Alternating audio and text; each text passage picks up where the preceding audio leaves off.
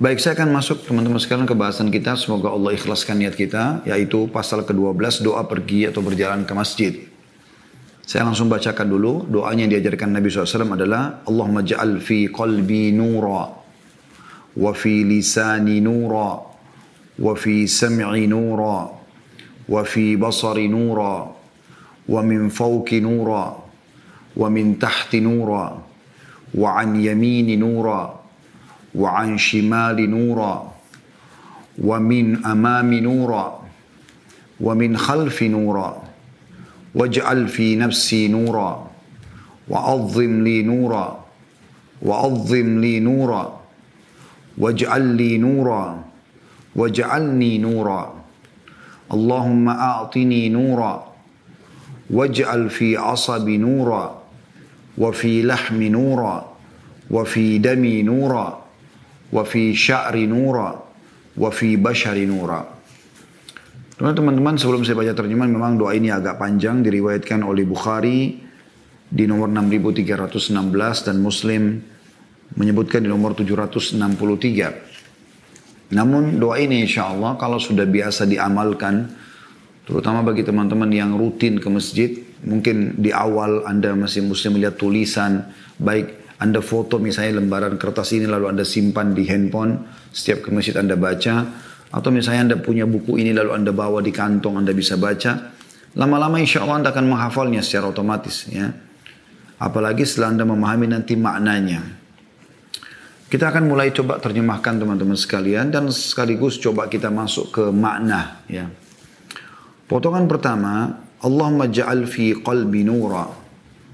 Ya Allah, jadikanlah di dalam hatiku cahaya. Kalau Anda mau mudah hafal, Anda tahu terjemahannya supaya mudah.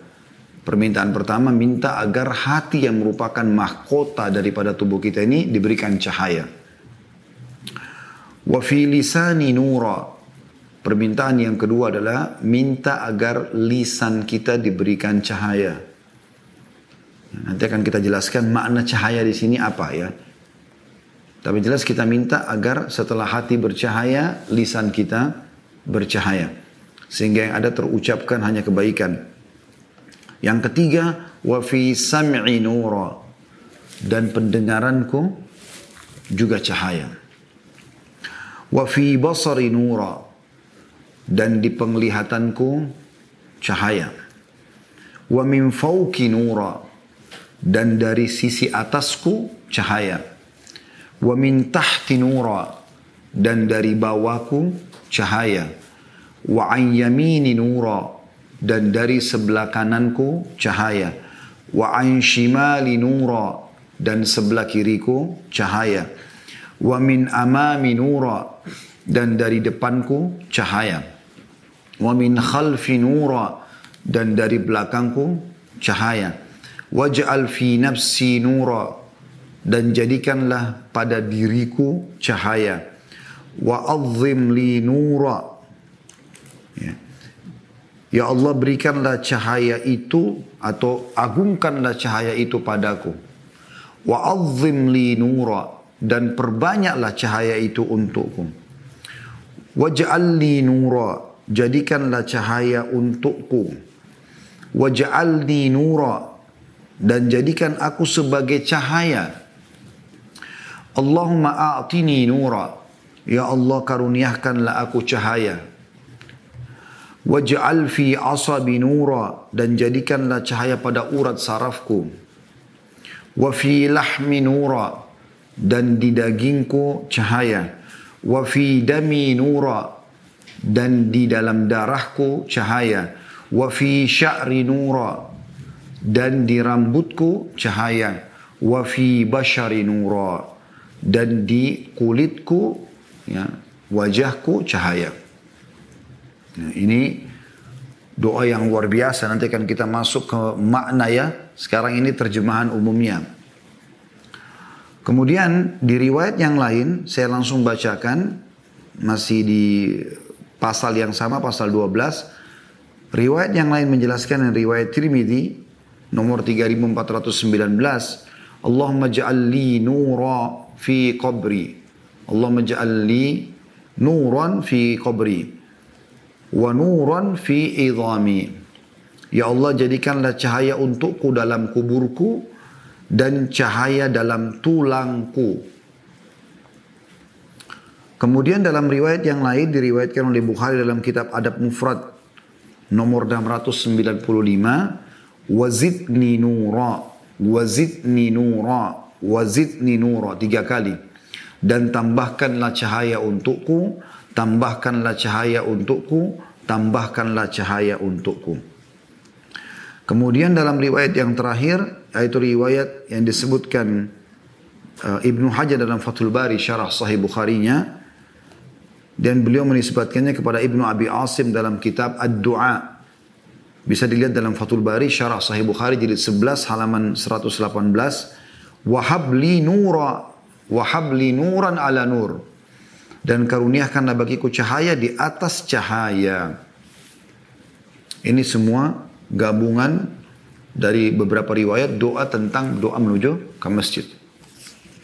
Sebelum panjang lebar kita jelaskan teman-teman sekalian, saya akan coba bacakan dulu pernyataan Imam Nawawi rahimahullah tentang makna permintaan Nabi SAW di sini cahaya itu. Disebutkan bahwasanya Imam Nawawi rahimahullah berkata, yang dimaksud dengan cahaya adalah beliau mengatakan Rasulullah SAW meminta cahaya kepada Allah Subhanahu wa taala untuk semua anggota badannya dan dari seluruh arah. Anggota badan tadi kan hati, lisan, pendengaran, kuping, penglihatan gitu kan. Terus saja ya diminta kemudian dari kanan, dari kiri, dari atas, dari bawah, dari depan, dari belakang, seluruh arah ini. Maksudnya adalah diminta ditunjuki kepada kebenaran, keterangan, dan cahaya kebenaran. Sehingga beliau meminta cahaya untuk badan, perbuatan, segala keadaan dan arah yang enam sehingga beliau tidak menyimpang sedikit pun dari kebenaran. Ini diambil daripada syarah Sahih Muslim di jilid 5 halaman 45. Teman-teman sekalian, ini yang dimaknakan oleh Imam Nawawi rahimahullah dan ini sejalan dengan firman Allah Subhanahu wa taala bisa dilihat dalam surah An-Nur nomor 24 ayat 35. Yang bunyinya a'udzubillahi minasyaitonir rajim nurun ala nur yahdillahu linurihi man yasha'u wa yadribullahu al-amthala lin-nas wallahu bikulli syai'in alim. Cahaya di atas cahaya Berlapis-lapis Allah katakan. Memang menceritakan tentang cahaya Allah. Surah An-Nur. Allah membimbing kepada cahayanya. N-nya besar katakan Allah. Siapa yang dia kehendaki. Jadi petunjuknya. Ya. Hidayah yang Allah berikan. Dan Allah mem membuat perumpamaan bagi manusia. Dan Allah maha mengetahui segala sesuatu. Ini teman-teman sekalian, adalah makna umum daripada uh, tadi cahaya itu. Ya. Baik, kita akan coba bedah lebih dalam doa ini satu persatu. Allah maja'al fi qalbi nura. Ya Allah jadikanlah dalam diri atau hatiku cahaya. Ini teman-teman sekalian, maknanya luar biasa. Kita hubungkan dengan hadis lain. Di mana baginda Nabi alaihi salatu wassalam bersabda, kalau seseorang mukmin berbuat satu kebaikan, amal soleh apa pun yang dikerjakan wajib atau sunnah, maka Allah akan titikkan dalam hatinya setitik cahaya. Ya. Kalau dia berbuat lagi, maka akan bertambah cahaya itu. Dan kalau dia berbuat dosa, maka Allah akan titikkan dalam hatinya sebuah titik hitam. Tentu kalau dia berbuat dosa akan bertambah. Dan tergantung dia sekarang menjaga yang mana. Kalau dia biasa, ini hadis sudah selesai. Tapi penjelasannya kalau dia terbiasa mengerjakan amal soleh, maka hatinya akan dipenuhi dengan cahaya-cahaya yang Allah berikan. Sehingga hati itu tidak bisa dimasuki oleh sifat-sifat yang buruk, penyakit-penyakit hati. hasad, ya, iri, dengki, dendam, semua ini ya, ria. Ini nggak ada lagi. Keraguan-raguan terhadap Allah Subhanahu wa taala, syariat Allah Subhanahu wa taala, Rasulullah SAW, ini semua tidak ada. Hatinya terang benderang dengan cahaya dari Allah Subhanahu wa taala. Tentu di sini Anda tidak fahami cahaya yang keluar seperti lampu. Karena kalau begitu bisa saja ditangkap dengan kamera atau alat. Oh di hatinya orang beriman ini kalau dilihat bercahaya keluar cahaya. Gitu. Apalagi tadi doa ini di lisan, di telinga, di, pen, di, di, di mata, di kanan kiri semua bercahaya. Berarti orang kalau jalan kalau beriman bercahaya semua. Bukan cahaya yang itu anda maksudnya yang dimaksudkan. Sudah kita jelaskan tadi Imam Nawawi adalah petunjuk dari Allah Subhanahu Wa Taala. Artinya hatinya ini udah ndak ada celah untuk mau e, melakukan terdorong terbisikkan keburukan. Yang ada hanya ikhlas, yakin, tawakal, makin kuat cahaya yang Allah berikan itu. Ya. Petunjuknya maka makin bersih hati tersebut. Dan Nabi SAW juga mengatakan dalam sebuah hadis yang lain, sesungguhnya dalam satu tubuh ada gumpalan darah yang kalau dia baik maka akan baik semua, kalau buruk maka akan buruk semua. Yaitu adalah hati, dia mahkotanya. Jadi makanya yang diminta pertama adalah hati diberikan cahaya oleh Allah Subhanahu wa taala. Sehingga hati ini dapat petunjuk dari Allah, tidak ingin melakukan kecuali kebaikan. Tidak ada di dalamnya kecuali kebaikan. Jadi kan? Kemudian potongan kedua fi lisani nura dan lisannya lisanku juga cahaya. Artinya lisan ini tidak akan pernah terucapkan kata apa pun darinya kecuali kebaikan. Kecuali mengundang ridha Allah subhanahu wa ta'ala.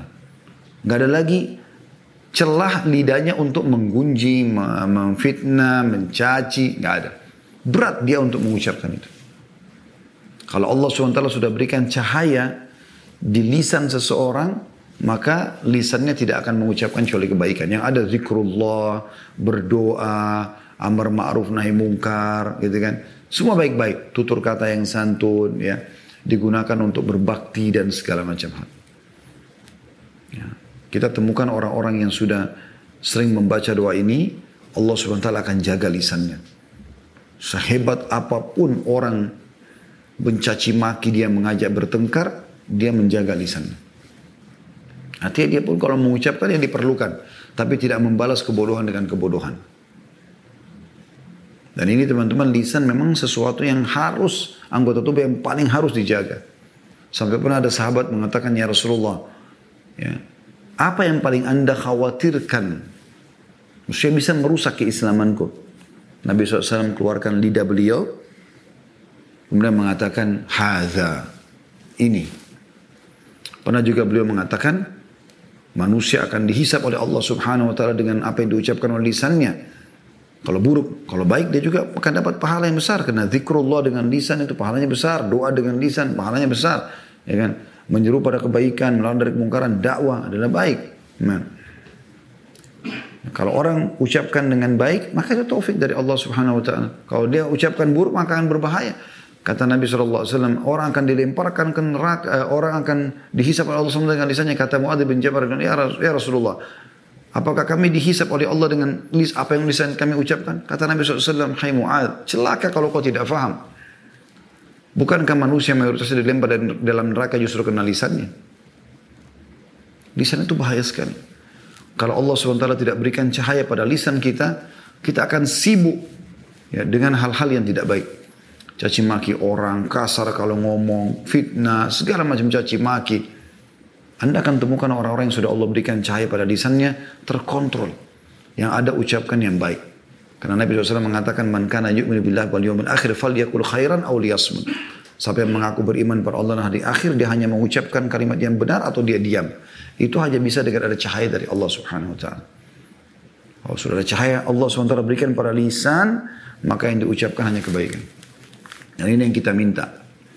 Kemudian yang ketiga, wa fi sam'i nura dan pendengaranku juga cahaya. Sehingga orang yang telah Allah berikan cahaya pendengarannya tidak akan dengar kecuali kebaikan.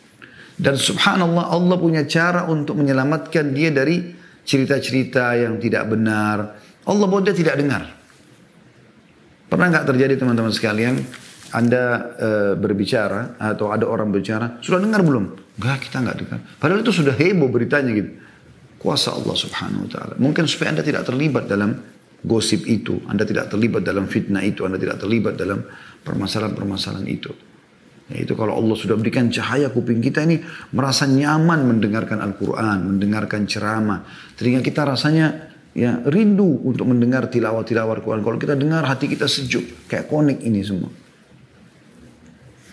Yang keempat, kita minta wafi basari nura dan mataku pun cahaya. Sehingga tadi ya, petunjuk maknanya tidak akan melihat kecuali kebaikan. Matanya hanya mau suka lihat yang baik. Yang bertafakur dalam ciptaan Allah, melihat Al-Quran, melihat buku, ya belajar. Lihat yang baik-baik saja. Semua yang haram diturunkan pandangan matanya. Karena dia faham sebagai orang beriman. Kalau Allah sudah berikan cahaya dia, ya maka ada hadis Nabi SAW yang berbunyi siapa yang menurunkan pandangannya dari haram, maka Allah akan tanamkan kenikmatan iman dalam hatinya sampai hari kiamat. Bukan hanya di dunia, tapi sampai dia mati, dibangkitkan pun, dia masih rasakan kenikmatan itu. Kapan dia turunkan pandangannya dari yang haram. Kemudian kita minta yang kelima, tadi itu sekitar tubuh kita semua, sekarang, oh itu dalam tubuh kita, sekarang kita sekitar kita. Wa min fauki nura. Dari atasku pun cahaya. Ya. Jadi kita minta Allah subhanahu wa ta'ala tidak memberikan celah sedikit pun bagi syaitan untuk masuk dalam diri kita. Kenapa ada penyebutan dari atas? Karena syaitan, iblis kan berjanji pada Allah subhanahu wa ta'ala. Akan menggoda manusia dari sisi kanannya, dari kirinya, dari atasnya, dari depan, dari belakang. Itu semua syaitan. Kalau dia bisikin kita dari sini nggak mempan, dia akan pindah ke kiri kanan tidak mempan kiri, kiri nggak mempan depan, depan nggak mempan belakang. Atas dia berusaha supaya kita tergoda. Ya, mungkin di sini kita nggak lihat yang haram, tapi pas kita lihat sana kita lihat yang haram. Mungkin di sini kita nggak dengar yang haram, tapi pas di sana kita dengar yang haram. Begitu cara syaitan, dia akan menjerat manusia. Maka kita minta dari seluruh arah kita ini nggak ada celah buat syaitan masuk. Karena itu janji iblis dia akan menyesatkan manusia dari semua arahnya. Makanya di sini disebutkan satu persatu. Wa min fauki nura dari atasku cahaya. Syaitan nggak ada kesempatan untuk masuk karena ditutup dengan petunjuk dari Allah SWT. Ya, yang keenam wa min tahti nura dari bawahku cahaya. Yang ketujuh wa yamini nura ya dari kananku cahaya. Yang kedelapan wa an shimali nura dan dari kiriku cahaya. Yang kesembilan wa min amami nura dan dari depanku cahaya. Kemudian yang kesepuluh wa min khalfi nur dan dari belakangku cahaya. Ini semua di sekitar kita. Kemudian setelah itu kita minta lagi ya agar kembali ke dalam diri kita. Waj'al ini yang permintaan yang ke-12 ya. Waj'al fi nafsi nura. Dan jadikanlah pada diriku ini cahaya. Ya. Jadikanlah pada diriku cahaya. Bisa juga bermakna nafs adalah jiwa. Ruh. Ya. Diberikan cahaya. Karena kita kan ada badan, ada ruh. Ya. Maka dua-duanya diberikan cahaya oleh Allah subhanahu wa ta'ala. Yang ke-13 kita minta wa li nura. Jadi alif sama ain ketemu. A a'zim li nura. Kemudian yang kedua, azim li nura. Ain sama wa langsung. Ya. Kalau yang pertama, a'zim li nura artinya ciptakanlah cahaya itu untukku. Kemudian kalau azim li nura, perbesarlah cahaya untuk atau perbanyaklah. Ini permintaan yang mulia sekali. Bagaimana kita minta agar tidak cukup dengan sekali. Teman-teman mungkin bisa memahami dengan contoh yang lain. Kenapa kita teman-teman setiap kali mau makan baca bismillah. Kenapa enggak sekali saja seumur hidup? Kenapa kita enggak sekali saja baca doa keluar rumah, doa masuk rumah, doa mau tidur, doa mau makan, habis makan, pakai baju, buka baju, biologis. Kenapa semua dilakukan setiap kali mau memulainya? Bahkan Abdullah bin Umar radhiyallahu itu membaca basmalah dalam satu gelas air. Itu baca bismillah, lepas. Dia taruh. Tahu bismillah perintah kan? Dilepaskan Alhamdulillah. Diminum lagi Bismillah, dilepas lagi Alhamdulillah. Begitu. Begitu terus. Nah, ini semua sampai kadang-kadang dalam satu gelas bisa 10 sampai 11 kali belum mengucapkan Bismillah dan Alhamdulillah. Karena ingin mengejar keutamaannya. Kenapa harus terulang? Kenapa kita setiap sholat baca ihdinas siratal mustaqim, berikan kami jalan, berikan kami petunjuk ke jalan yang jalan uh, tunjukkanlah kami ke jalan yang lurus. Bukanlah kita sudah seorang muslim, kita sudah sholat, karena teman-teman sekalian kita ini manusia butuh. Setiap saat karena syaitan selama kita hidup terus menggoda kita. Dia akan berhenti tidak punya kesempatannya kalau kita sudah meninggal. Makanya ada orang yang Nabi SAW mengatakan ada orang yang berbuat amalan ahli surga sampai tidak ada jarak antara dia sama surga kecuali satu jengkal. Lalu terlewatkan ya ada takdir maka dia berbuat amal buruk ya kemudian dia masuk ke neraka. Misalnya dia sudah beriman nih selama 70 tahun. Hari pertama 71 tahun murtad dari Islam. Mati, masuk neraka. Dinukil kisah begitu ya. Ada seorang muadzin di negeri Syam, ya di Syria tepatnya, dia muadzin dalam zaman dulu belum ada speaker pengeras suara. Jadi orang naik ke menara teriak dengan suara keras. Kebetulan dia setiap azan uh, dia naik ke menara itu. Satu waktu ada tetangga baru tinggal dekat masjid, Nasrani. Punya anak perempuan rupanya cantik menurut dia. Digambarkan begitu dalam cerita. Maka perempuan ini keluar dari teras, kemudian melihat ke arah dia. Dia pun tertarik melihatnya. Maka dia nggak jadi azan. Tiba-tiba hatinya terdorong untuk turun ngobrol sama perempuan tersebut. Dan tiba-tiba ngobrol kalau saya suka kamu gini-gini. Perempuan itu dengan spontan mengatakan kau orang muslim. Saya orang Nasrani nggak bisa. Karena sukanya tergiur dengan kecantikan sampai dia mengatakan kalau gitu saya akan pindah ke agamamu. Ringkas cerita murtad dia dari Islam. Begitu diceritakan dalam kisahnya. Tapi tidak disebutkan nama orang ini ya. Semoga Allah selamatkan kita tidak mengikuti orang seperti ini. Jadi subhanallah dia murtad. Setelah itu baru habis selesai dia nikah sama perempuan itu dengan cara Nasrani. Atap kamar dia yang sama istrinya ini di rumah perempuan itu ada yang rusak. Maka dia naik untuk memperbaiki, dia terpleset, jatuh, mati. Mati dalam keadaan kafir setelah sekian tahun jadi muadzin di masjid. Kata Nabi SAW sebaliknya, ada orang yang berbuat amalan ahli neraka. Terus saja amal neraka yang dia lakukan sampai tidak ada jarak antara dia sama neraka kecuali satu jengkal. Lalu kemudian dia berbuat amal ahli surga. Misalnya dia kafir sekian tahun, dia bermaksiat sekian tahun. Akhir hidupnya subhanallah dia tobat nasuha. Begitu kemudian kemudian dia meninggal. Maka kata Nabi SAW dia masuk surga. Itu disebutkan dalam hadis lain riwayat Bukhari yang ada orang bertaubat, gitu kan? Dia telah membunuh 100 jiwa kemudian dia bertaubat, Kemudian uh, dia pergi ke satu kota atau negeri yang dia ingin bertobat. Setelah itu dia meninggal di tengah jalan. Lalu Allah mengutus dua malaikat. Yang satu malaikat rahmah yang mau membawa kalau dia meninggal dalam keadaan beriman. Kalau yang satu mau membawa dia malaikat penyiksa kalau dia meninggal dalam keadaan bermaksiat. Maka Allah pun mengutus malaikat ketiga menengahi mereka lalu menyuruh mengukur jarak mana yang paling dekat. Kalau dia dekat ke negeri yang dia akan bertobat berarti dia diambil oleh malaikat rahmah. Kalau lebih dekat kepada negeri yang maksiat maka dia akan dihukum oleh diambil oleh malaikat penyiksa. Dan subhanallah Allah dalam riwayat ini dikatakan ya uh, memendekkan jarak negeri yang uh, yang dia mau pergi satu jengkal dan ini menjauhkan satu. Jadi cuma jarak satu jengkal, maka akhirnya dia diambil oleh malaikat rahmah. Setiap membunuh 100 jiwa, maksiat sepanjang hidupnya. Tapi karena dia tobat nasuha di akhir hidupnya, berbuat amal surga, masuk surga. Begitu luar biasanya teman-teman sekalian. Makanya kita rutin minta. Ya. Kan? Ada seseorang masuk Islam di Khaybar, di peperangan Khaybar pada saat Nabi SAW menyerang Khaybar, uh, benteng Yahudi. Seingat saya di tahun 6 Hijriah atau awal tahun 7 Hijriah. Kemudian ada Nabi SAW mengepung sekitar 43 hari benteng pertama dan berhasil menembusnya. Waktu Nabi SAW lagi bagi-bagi harta rampasan perang, ada satu orang Arab Badui datang lalu masuk Islam. Setelah syahadat, Nabi SAW bilang kepada sahabat yang sedang membagi harta rampasan perang, coba kasih ke ya, orang ini juga. Maka orang itu mengatakan, ya Rasulullah, saya masuk Islam bukan untuk harta ini. Saya masuk Islam karena saya dengar sahabat-sahabat anda nih cerita mereka keluar dari Madinah berharap dibunuh oleh musuh masuk surga. Gitu. Saya pun berharap begitu. Saya berharap panah orang Yahudi terlepas, kena di sini, tembus di sini, ditunjuk titiknya. Maka Nabi SAW mengatakan Allah akan kasih kau kalau kau jujur. Maka terjadilah kecamuk perang setelah itu takbir. Lalu orang-orang dulu lempar anak panah dari benteng mereka. Yang pertama terbunuh orang yang baru masuk Islam tadi. Belum pernah sujud sekalipun. Baru syahadat. Tadinya kafir. Maka Nabi SAW waktu lihat jenazah yang mengatakan. Ahua, ahua. Apa ini orang tadi yang taubat itu? Kata mereka, iya ya Rasulullah. Kata Nabi SAW, Maha Suci Allah yang benar dengan janjinya. Siapa yang ingin melihat penghuni surga yang belum pernah sujud sekalipun, lihatlah orang ini. Lihat orang ini. Jadi, buat amal ahli neraka, tapi akhirnya berbuat amal. Makanya kita teman-teman harus selalu baca, Ihdinas siratal mustaqim. Iman itu bertambah dengan iman dan berkurang dengan kemaksiatan. Makanya di sini kita minta wa a'zim li nura. Wa azim li nura. Ya. Ciptakanlah cahaya itu untukku sehingga selalu ada dan juga perbesarlah cahaya itu, perbanyak.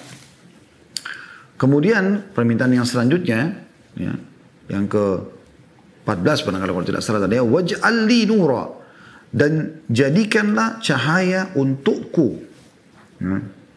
Jadikanlah cahaya untukku. Jadi kita minta ini sama, minta semua agar terus cahaya itu tidak pernah berkurang, bahkan bertambah. Kemudian yang ke-15 waj'alni nura dan jadikanlah aku sebagai cahaya. Jadi aku sendiri bisa menjadi penyebab orang dapat petunjuk. Dan ini subhanallah memang ciri orang beriman. Kapan orang-orang beriman ini uh, apa namanya? Dia menerapkan hukum Allah Subhanahu wa taala, Allah akan jadikan dia cahaya yang orang lain bisa dapat manfaat dari dia. Dia sibuk mendakwahikan orang, mendakwahi orang. Dia sibuk memberikan contoh-contoh yang baik sehingga dia panen pahala dari orang-orang. Ya, itu yang kita minta. Kemudian permintaan yang selanjutnya, waj'al fi asabi nura. Ya, maaf, di sini Allah waj'alni nura, jadikanlah aku cahaya. Allahumma a'tini nura dan berikanlah aku cahaya. Ini permintaan tadi. Ya, saya subhanallah lupa urutannya 16, 17 ya. Yang ke-18 waj'al fi asabi nura. Ya Allah jadikanlah di urat sarafku cahaya. Sampai ke urat saraf. Pertanyaan kok bisa urat nih? Hubungannya dengan urat. Mungkin kalau kita hubungkan dengan hadis Nabi SAW ada hadis ya. Sesungguhnya syaitan mengalir dalam tubuh manusia seperti mengalirnya darah. Sehingga penuh dengan cahaya dari Allah SWT di urat-urat kita dan syaitan tidak punya celah untuk itu. Luar biasa tertutup semuanya dengan cahaya dari Allah SWT. Dan ini semuanya tentu supaya syaitan tidak bisa masuk. Ya, itu urat karena syaitan mengalir di situ. Kemudian selanjutnya wafilah minura. Jadi tadi hati satu, lisan dua, pendengaran tiga, penglihatan empat, atas lima, e, bawah enam, kanan tujuh, ya, kiri delapan, depan sembilan, belakang sepuluh, dalam diri jiwa sebelas dua belas agungkanlah cahaya itu, perbesar cahaya itu untuk aku. Kemudian yang ketiga belas ya, perbesarlah cahaya itu atau agungkanlah cahaya itu untukku. empat belas jadikanlah aku cahaya atau jadikan untukku cahaya. Kemudian yang kelima belas jadikan aku sendiri cahaya. Petunjuk bagi orang. Ya. Dan selanjutnya Ya Allah berikanlah aku cahaya. Ya. Ini mungkin yang ke-16 tadi ya. Kemudian jadikan yang ke-17 jadikanlah di urat sarafku cahaya. Yang ke-18 dan di dagingku cahaya. Ya, mudah-mudahan bisa bermakna ini adalah supaya dagingku selamat dari harta-harta haram. Karena dengan adanya petunjuk Allah SWT di dalam daging kita mirip dengan hati tadi dan segala macam, insya Allah kita akan selamat dari daging-daging yang haram. Karena kata Nabi SAW, Kullu lahmin nabata min suhtin an-naru awlabi. Semua daging yang tumbuh dari pendapatan haram maka neraka lebih pantas baginya. Kan? Kemudian wa fi dami nura dan di darahku juga cahaya. Karena kan kita kalau konsumsi sesuatu kan bisa juga menambah darah ya. Sehingga ini semua adalah cahaya. Semuanya dipenuhi dengan cahaya dari Allah SWT. Kemudian wa fi sya'ri nura dan di rambutku cahaya. Setiap rambut pun kita minta agar ada cahaya Allah Subhanahu wa taala di situ. Jadi kita tidak akan pernah menggunakan rambut untuk kemaksiatan kepada Allah Subhanahu wa taala. Juga Allah Subhanahu wa taala jadikan rambut ini di atas ketaatan. Kalaupun kita mencukurnya misalnya kita cukurkan dengan masalah umroh atau haji yang lebih besar pahalanya. Kemudian wa fi basyari nura dan juga di kulitku cahaya. Ya, ini kita minta luar biasa seluruh kulit kita bercahaya. Sehingga tidak ada lagi yang tersentuh dengan maksiat kepada Allah subhanahu wa ta'ala. Nggak ada yang tersentuh dengan yang haram. Kulit kita semuanya diliputi dengan cahaya dari Allah subhanahu wa ta'ala. Orang yang sudah menjaga agar jangan sampai dia tersentuh dengan yang haram. Misal, contoh Anda terbiasa tidak mau tersentuh oleh lawan jenis ya.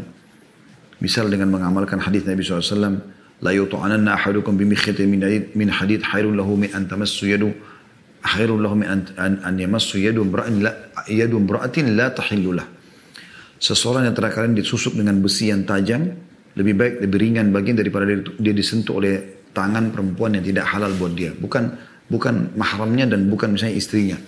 Dia sentuh-sentuhan segala macam. Ini kan tidak boleh. Hukumannya lebih berat daripada ditusuk dengan besi. Nabi SAW narang. Makanya Nabi SAW mengatakan inilah usafihun nisa. Aku tidak menyalami para wanita. Jadi sebenarnya kita sedang minta itu. Agar kita betul-betul kulit ini hanya tersentuh pada yang halal. Ya. Kemudian di riwayat yang lain adalah kita minta Allah menja'alli nuran fi qabri. Ya Allah jadikanlah cahaya di kuburanku. Ini juga sejalan dengan makna sabda Nabi Shallallahu Alaihi Wasallam.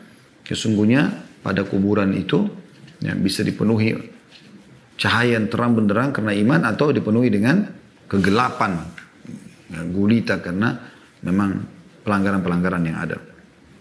Kita minta akan diberikan cahaya. Ya. Kemudian juga wanuran fi idhami dan juga tulang dan juga cahaya di tulang-tulangku. Jadi tadi riwayat pertama belum disebutkan tulang, ya baru daging, ya, dengan hati, kemudian uh, kulit, ya urat saraf. Dan di sini ada tambahan riwayat Tirmidzi dan juga di tulang-tulangku. Sehingga tulang-tulang pun tidak ada kecuali kebaikan. Ada hadis Nabi SAW yang berbunyi di dalam tubuh manusia ada 360 sendi kalau ya eh, dan tiap hari dia dianjurkan sedekah sejumlah sendi itu dan dua rakaat sholat duha ya menutupi itu kan gitu nah itu gambarnya teman-teman jelas sekali bagaimana sebenarnya tulang-tulang kita ini pun ya kita berharap agar Allah SWT berikan cahaya darinya sehingga betul-betul selalu tunduk dan patuh kepada Allah kemudian riwayat yang lain tadi yang kita sebutkan riwayat Bukhari dalam adab mufradnya wazid nura wazidni nura, wazidni nura. Tambahkan cahaya untukku, tambahkan cahaya untukku, tambahkan cahaya untukku. Begitu. Ya. Dan ini teman-teman sekalian, kita boleh tamak dengan rahmat Allah subhanahu wa ta'ala. Jadi misal teman-teman udah sehat. Tetap lebih baik teman-teman minta agar kesehatan itu dipertahankan Rabbana atina fid dunya hasanah wa fil akhirati hasanah wa qina adzabannar. Minta terus diberikan yang terbaik di dunia, yang terbaik di akhirat gitu kan. Itu lebih baik kita minta ya, agar diselamatkan jasad kita daripada ya, daripada kita minta pada saat sakit disembuhkan. Walaupun boleh, bukan tidak boleh. Memang kita harus. Nabi Ibrahim AS mengatakan wa idza maritu fa Kalau aku sakit, maka dia menyembuhkanku. Iya, tapi tetap lebih baik posisinya kita minta dipertahankan nikmat daripada kalau sudah nikmat sudah diangkat baru kita minta dikembalikan. Makanya salah satu doa Nabi SAW, Allahumma inni a'udhu bika min zawali ni'amik. Ya Allah aku berlindung kepadamu jangan sampai nikmatmu hilang dariku. Wa tahawuli afiatik. Dan beralih ya kesehatan kepada keselamatan kepada penyakit. Ya wa nikmatik dan tiba-tibanya hukumanmu. Wa jami'i dan semua kemurkaanmu itu di antara doa Nabi sallallahu alaihi wasallam. Maka di sini kita minta sudah minta cahaya semuanya tadi kita masih minta ya Allah tambahkan ya Allah tambahkan ya Allah tambahkan. Dan tiga kali di sini teman-teman karena memang sebagian ulama menganjurkan agar kalau ada doa atau zikir kita ulangi tiga kali. Ya, permintaan kepada Allah swt kita minta tiga kali kemudian yang terakhir wahabli nuran ala nur ini kesempurnaan riwayatnya dan karuniakanlah bagiku cahaya di atas cahaya. Artinya setelah aku mendapatkan pun ya Allah, kalau seandainya masih ada ya peluang untuk mendapatkan tambahan cahaya dengan amalan-amalan tertentu, engkau memanduku ke situ sehingga aku bisa mendapatkan uh, cahaya tambahan.